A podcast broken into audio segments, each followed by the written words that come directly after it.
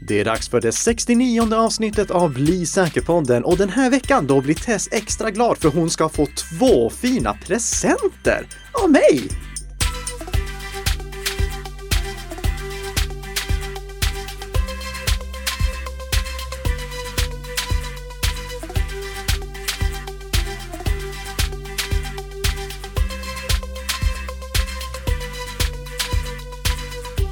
God morgon, god morgon Tess! Ja, men god morgon Nicka! Och jag ska få två presenter säger du? Ja, precis. Det här borta i väskan har...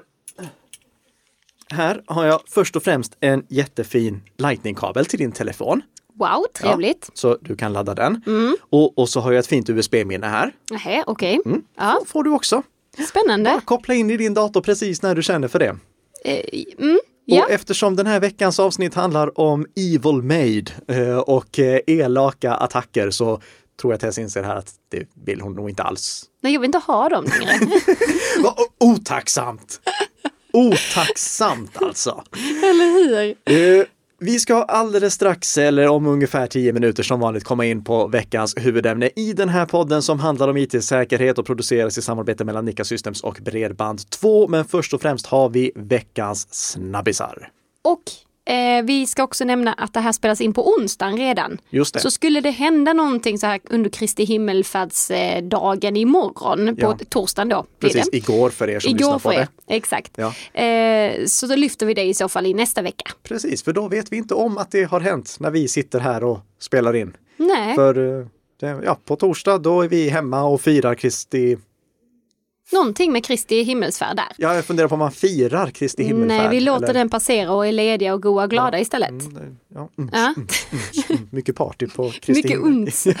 Ehm, Men låt oss hoppa in på veckans snabbisar då Nicka. Ja. Vad har vi här med nätfiske mot kriminalvården? Ja, det var en... Eh, alltså, först och främst, jag uppskattar att TV4 gjorde det här. U- Under tisdagskvällen, då publicerade de ett inslag, det var huvudinslaget i TV4-nyheterna klockan eh, sju, eh, där de berättade att de hade utfört en nätfiskeattack mot eh, kriminalvården i undersökande syfte. Okej. De hade preparerat eh, ett gäng mejl där det stod att mottagarens lösenord höll på att gå ut. Det skulle gå ut om två dagar och mottagaren behövde gå in och ändra sitt lösenord genom att klicka på den bifogade länken. Det här är alltså ur nätfiskeattackernas ABC-bok. Det, det, här är den mest grundläggande Så nätfiskeattacken. praktexempel Ja, på detta. precis. Skolexempel, på, Skolexempel. eh, på hur eh, ett sånt, en sån här nätfiskeattack går till. Mm. Emil Hellerud som gjorde den här granskningen skickade det till eh, Kriminalvårdens ledningsgrupp Mm. och där var det enligt rapporteringen sex av nio som klickade på länken. Låter många. Ja, Mm. och det är självfallet allvarligt, Mm. men jag är inte ett dugg förvånad. Och jag tror inte heller att det här hade sett annorlunda ut i någon annan organisation. Nej. Det ska läggas till här innan vi pratar mer om det ämnet att eh, TV4 självfallet inte genomförde hela nätfiskeattacken. De ledde inte in ledningsgruppen på någon sån här falsk inloggningssida där de lurades av sina lösenord. Nej. Eh, för det hade varit väldigt allvarligt om de hade gjort det. Eh, kriminalvården polisanmälde för övrigt TV4 ändå för dataintrång. Mm. Vilket jag inte kan få ihop hur det skulle kunna klassas som Men dataintrång. TV4 syfte här var snarare att få ut hur många som faktiskt lurades genom att klicka till exempel på Ja, länken. då. precis. Mm. Men vi vet inte ifall det hade sen lett till en lyckad nätfiskeattack. Nej. För eh, det, det kan hända att säkerhetschefen som var en av de som klickade, Mm. han eller hon kanske klickade på länken för att undersöka vad det var för någonting. Mm. Jag klickar ju på jättemånga länkar som jag får i mail och spelar in samtidigt allting som händer i en virtuell maskin för att jag vill kunna visa det i utbildningssyfte. Mm. Så om de hade genomfört den här attacken mot mig, då hade det sett ut som att, att jag hade klickat på länken. Ja. Eh, Och det kan ju hända att det var så som var här var fallet också. Och vi vet inte heller om eh, de som klickade på länkarna verkligen hade fyllt i sina lösenord. De hade kanske sett att ah, men det här är en nätfiskedomän, här ska jag inte klicka, här ska jag inte skriva in mitt lösenord. Mm. Och om de väl hade gjort det så hade de kanske haft tvåstegsverifiering som hade skyddat dem. Ja.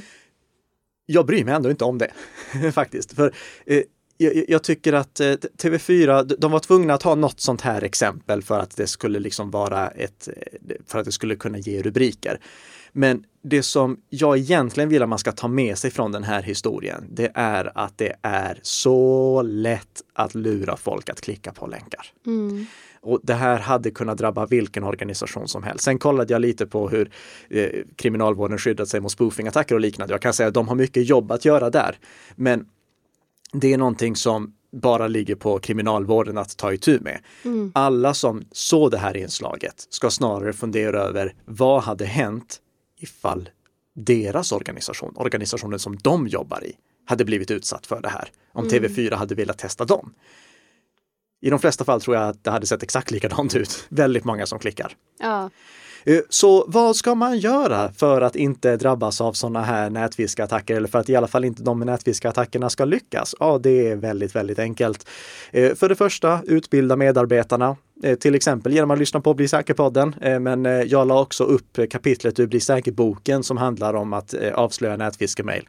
Så det ligger gratis att ladda ner från vår webbplats. Jag lägger med en länk till det i våra show notes också. Sen slå på tvåstegsverifiering.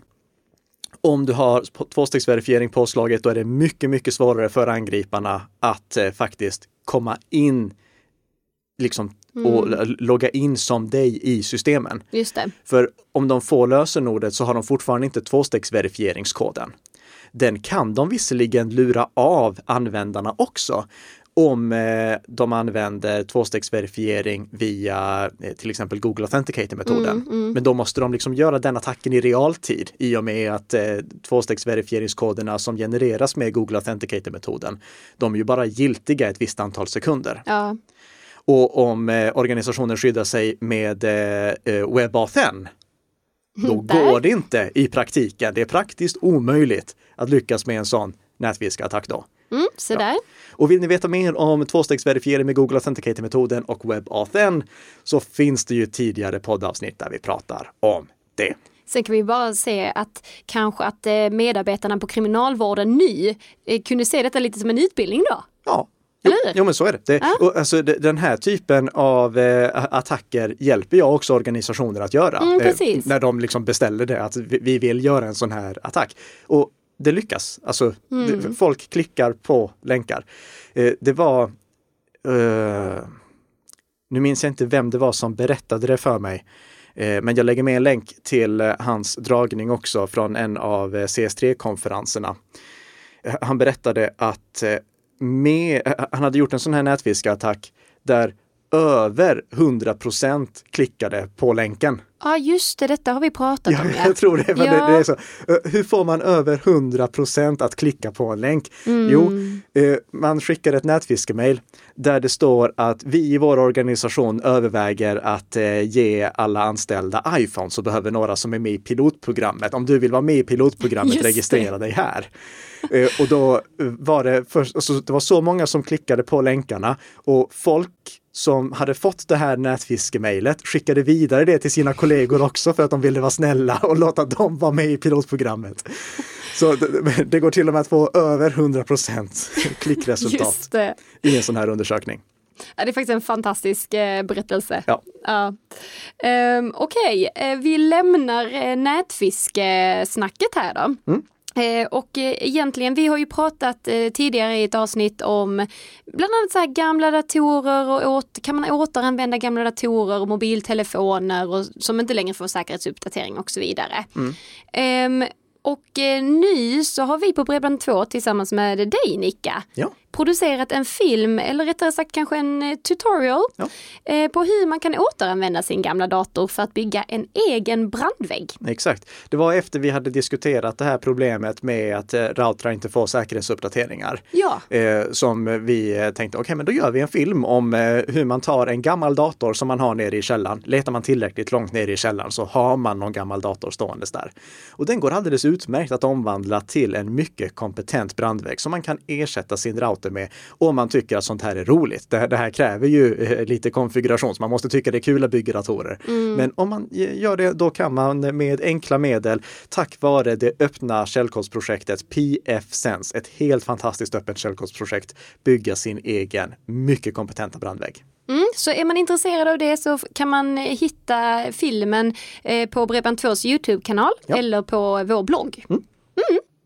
Nu har vi äntligen kommit fram till eh, det här med eh, vilka presenter jag skulle få Ja. och varför jag inte vill ta emot de här. Mm. Ja, det är dags att prata om Evil Made. Precis. Och Evil Made-attacker, det eh, började vi beröra sådär lite grann i förra avsnittet när vi pratade om Thunder Spy. Just det. Som jag inte tyckte var så allvarligt som media hade rapporterat om. Mycket för att det finns enklare sätt att attackera datorer eh, och det är väldigt få som är i riskzonen för att drabbas av det. Men Evil Made-attacker kan vara mycket enklare också än eh, någonting som Thunderspy som kräver att någon öppnar upp ens dator och har med sig ett programmeringsverktyg för att kunna programmera om en krets som sitter på moderkortet. Ja.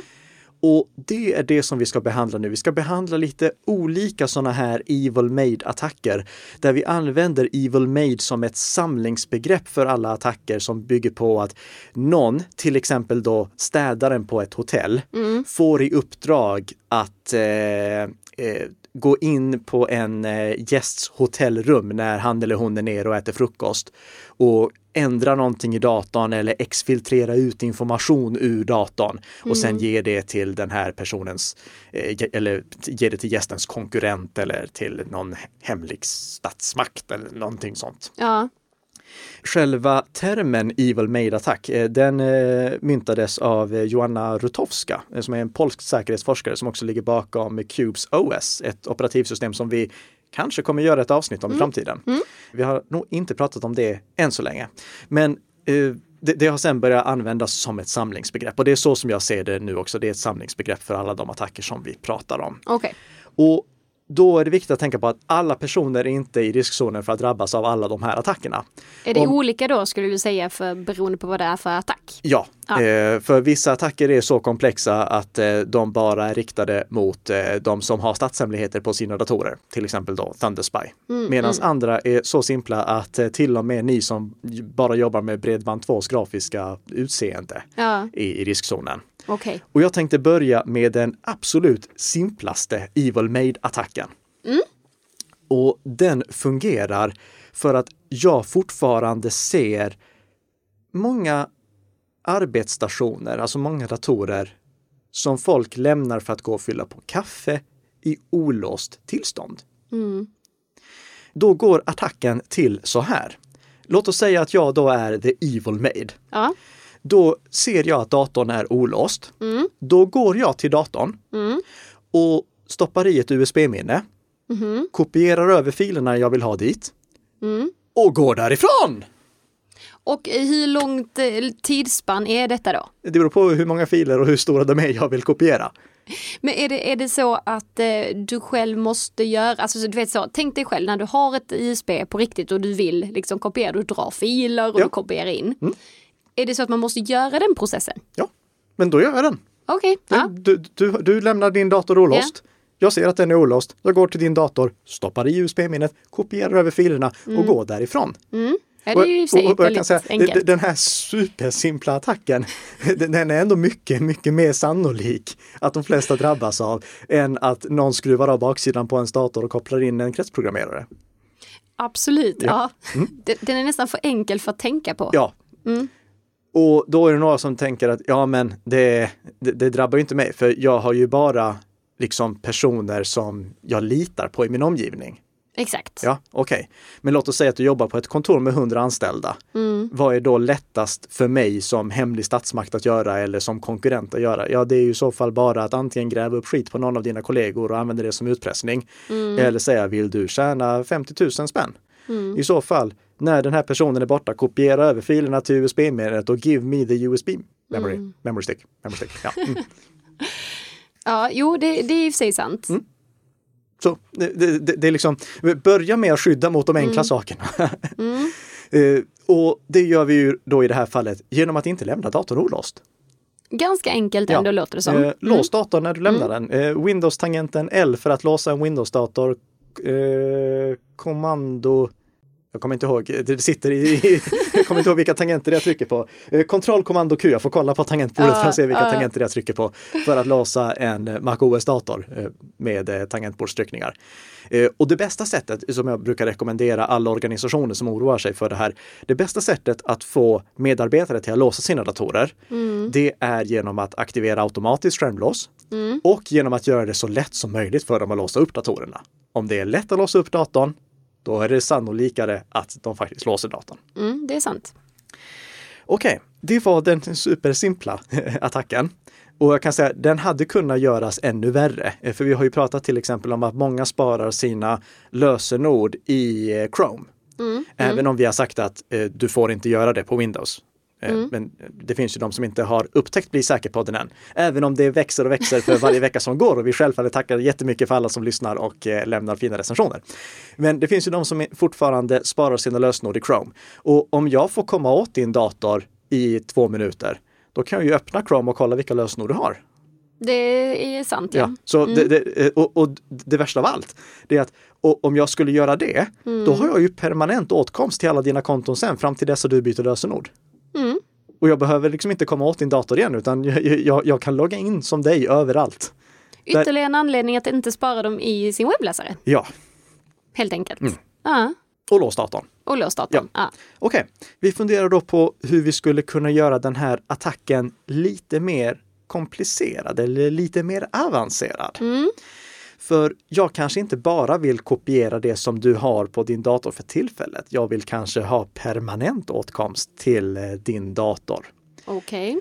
Och om du hade haft en stationär dator, då hade jag kunnat fixa det ganska enkelt genom att installera en keylogger. Mm. En du, ja, precis. Ja. Utveckla det. Eh, En keylogger, det är en, eh, det ser ut som en liten USB-dongel som spelar in alla dina tangentbordstryckningar. Så i så fall kommer jag till din dator när du inte är där, kryper ner på baksidan av den, kopplar ur ditt tangentbord, kopplar in den här keyloggen och kopplar in keyloggen med tangentbordet i datorn. Sen låter jag den sitta där och spela in alla dina tangentbordstryckningar fram tills en dag då jag kan komma tillbaka, plocka bort keyloggen och koppla in ditt tangentbord igen. Då har jag allt du har skrivit på ditt tangentbord under den tiden som keyloggen var inkopplad. Inklusive dina lösenord. För om du skriver in dina lösenord, om du inte använder eh, liksom någon automatisk ifyllning, då skriver du dina lösenord och då har jag ju alla dina lösenord också. Jag har alla tangenter som du har tryckt på. Så Alla... du menar typ om jag, om jag skulle gå till ehm, min Gmail till exempel. Ja, Och så ser du att ah, men hon börjar skriva här GM, kanske. Mm. Ja. Och så går det ju automatiskt till Gmail. precis, för du trycker enter sen. Ja. Ja. Mm. Och sen så ser du när jag ska mata in min eh, e-mailadress. Och så, har jag kanske då ja, mitt namn och sen så snabel gmail. Ja. Ehm, Mm. Och och så skriver... sen så börjar det då ett lösenord också. Ja. Så du menar att det är så enkelt? Precis. Jag, jag, Mm. jag, tänk dig bara att alla tangenter som du trycker på, de sparas i en lång lista. Så då, då, då får jag allt. Hmm. Det här skulle kunna, alltså en sån här keylogger skulle kunna monteras inuti ett tangentbord också. Men då är vi igen inne på det här med attacker mot de, som verkligen är utsatta och som har statshemligheter. Eh, En vanlig keylogger, det är någonting som alla egentligen ska vara observanta på. Det skulle till och med kunna vara en svartsjuk eh, pojkvän eller flickvän som installerar det på datorn där hemma för att kunna se vad som spelas in. Okej. Ehm, Så eh, och om det plötsligt sitter någon eh, konstig liten dongel i datorn mellan datorns tangentbord och eh, själva datorburken, Mm. mm, då ska man nog plocka bort den. Och verkligen fundera över hur den kom dit. Ja, verkligen. Men vi kan göra det ännu värre än så här. Eh, För nu tänkte jag att du skulle få det här fina USB-minnet. eh, Ja, okej. och Koppla in det i din se. dator. Ehm, ja, alltså jag vill ju inte detta. Nej, Eh, men jag gör det ändå, mm, nej, nej, gör inte det. just nu, för För i demonstration. så fall så kommer Ri- Rick Astleys eh, Rick Roll börja spela. Eh, Och då blir det copyright-problem. Men i alla fall, berätta bara vad, vad du ser. Vad, ser det där ut som? Ja, det ser verkligen ut som ett helt vanligt ISP. Ja.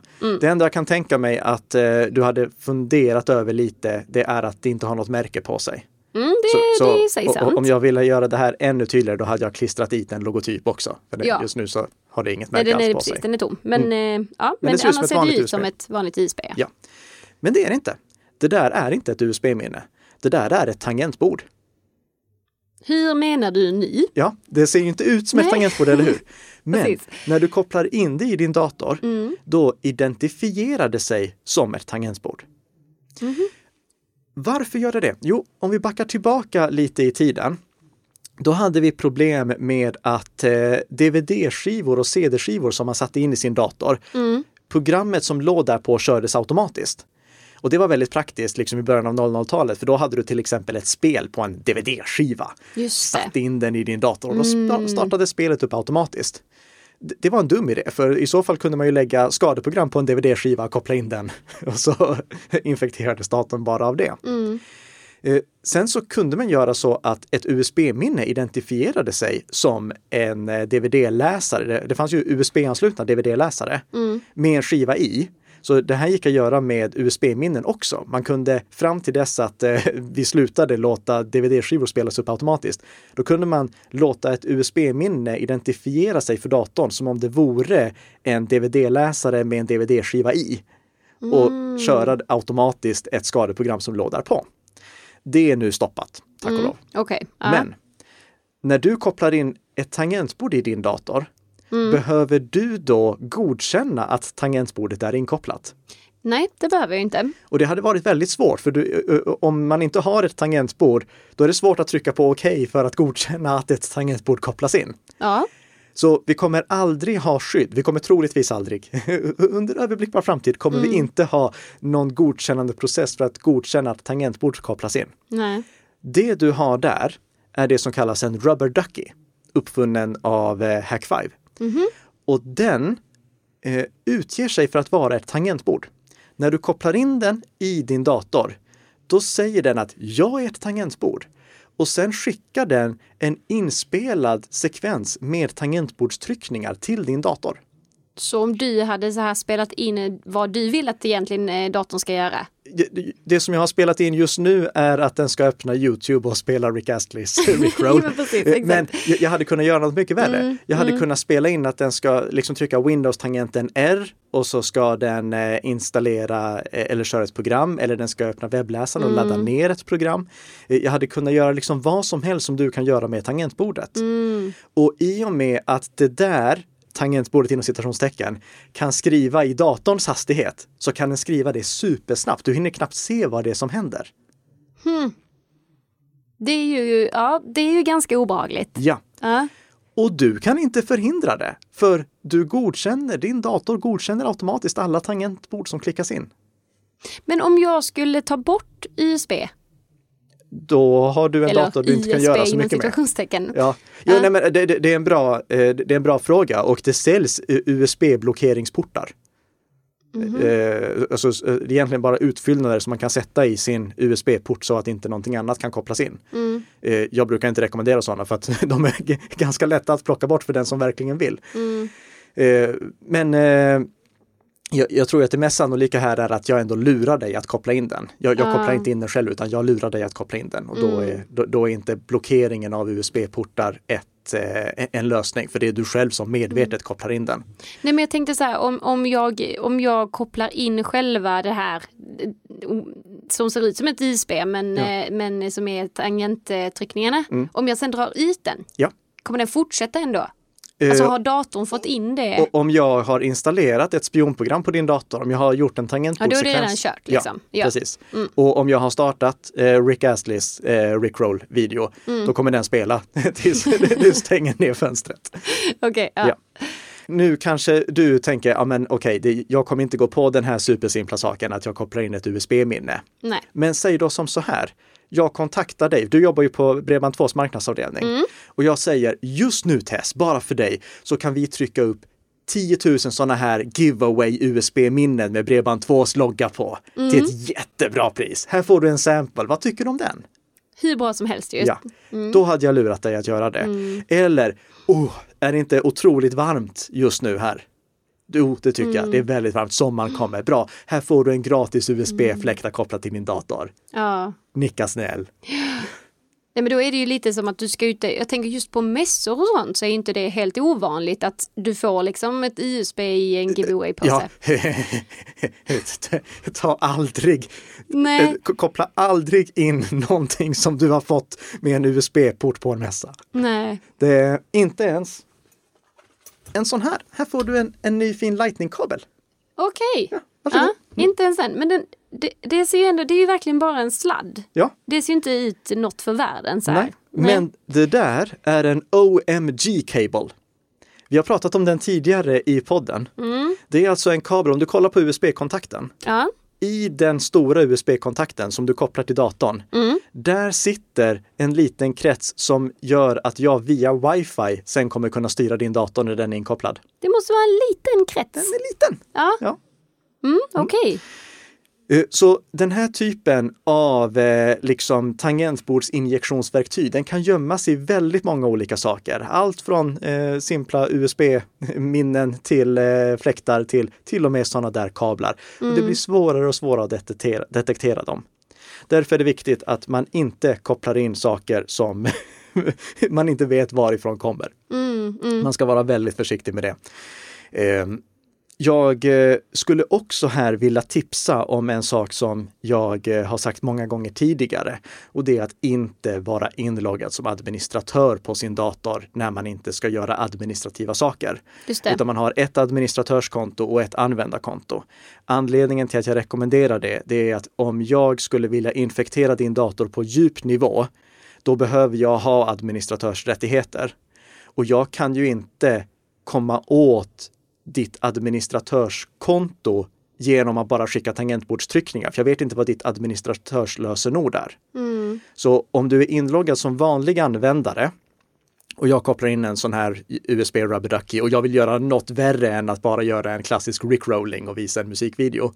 Eh, då kommer eh, jag inte kunna göra det för att i dialogrutan som dyker upp där jag blir förfrågad om jag har administratörsrättigheter, Ja. då kan jag inte bara trycka ja, Nej. utan jag måste skriva ett administratörslösenord, vilket jag inte känner till. Mm. Så var inte inloggad som administratör, ha skärmlås på.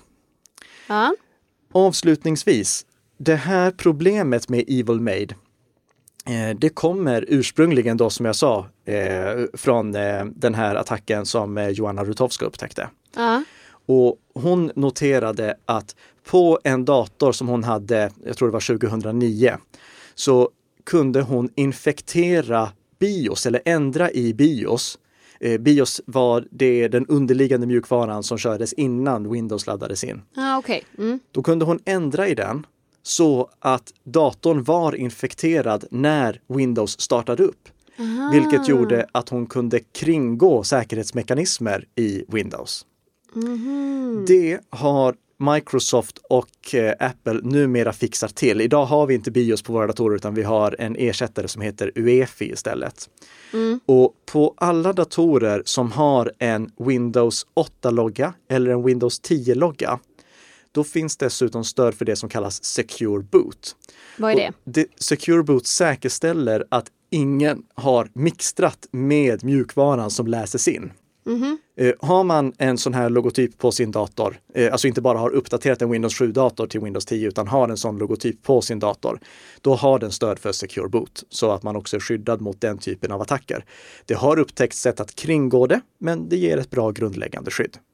Så det jag skulle rekommendera för de som är liksom oroliga för att någon eh, ska ta ens dator, starta om den, tweaka i det underliggande eh, bioset eller UEFIt och sen starta upp datorn igen för att därigenom kunna kringgå till exempel eh, hårddiskrypteringen.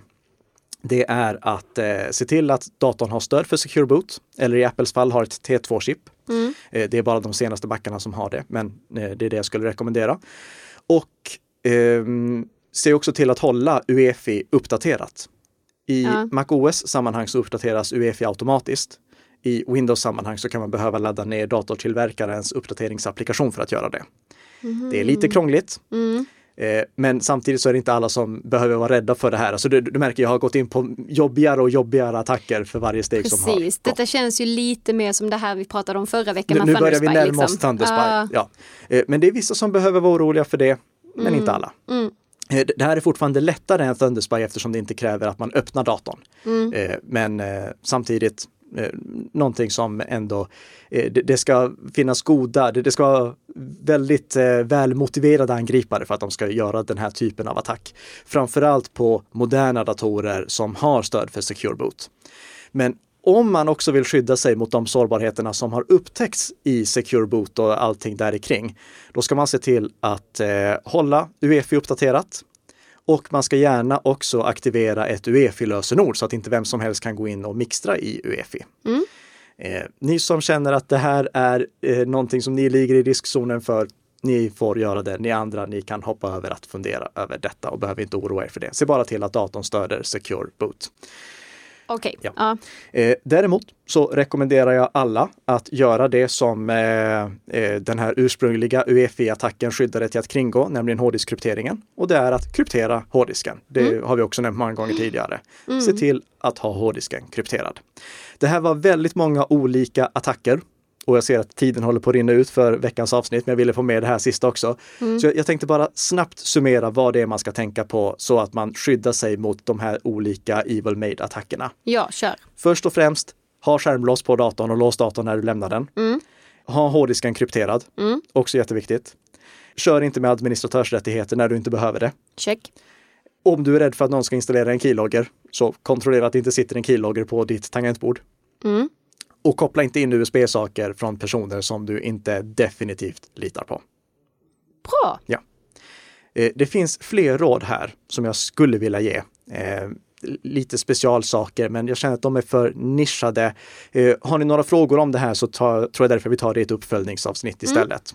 För nu är tiden slut för den här veckan. Men vi tackar så mycket för att ni har hängt med Absolut. Och eh, hoppas att ni fortsätter lyssna och prenumerera på podden och tipsa era vänner. Och önskar en riktigt trevlig helg. Just det, så var det Ja. också. Precis. Ja. Tack så jättemycket. Ha det fint. Ha det gott.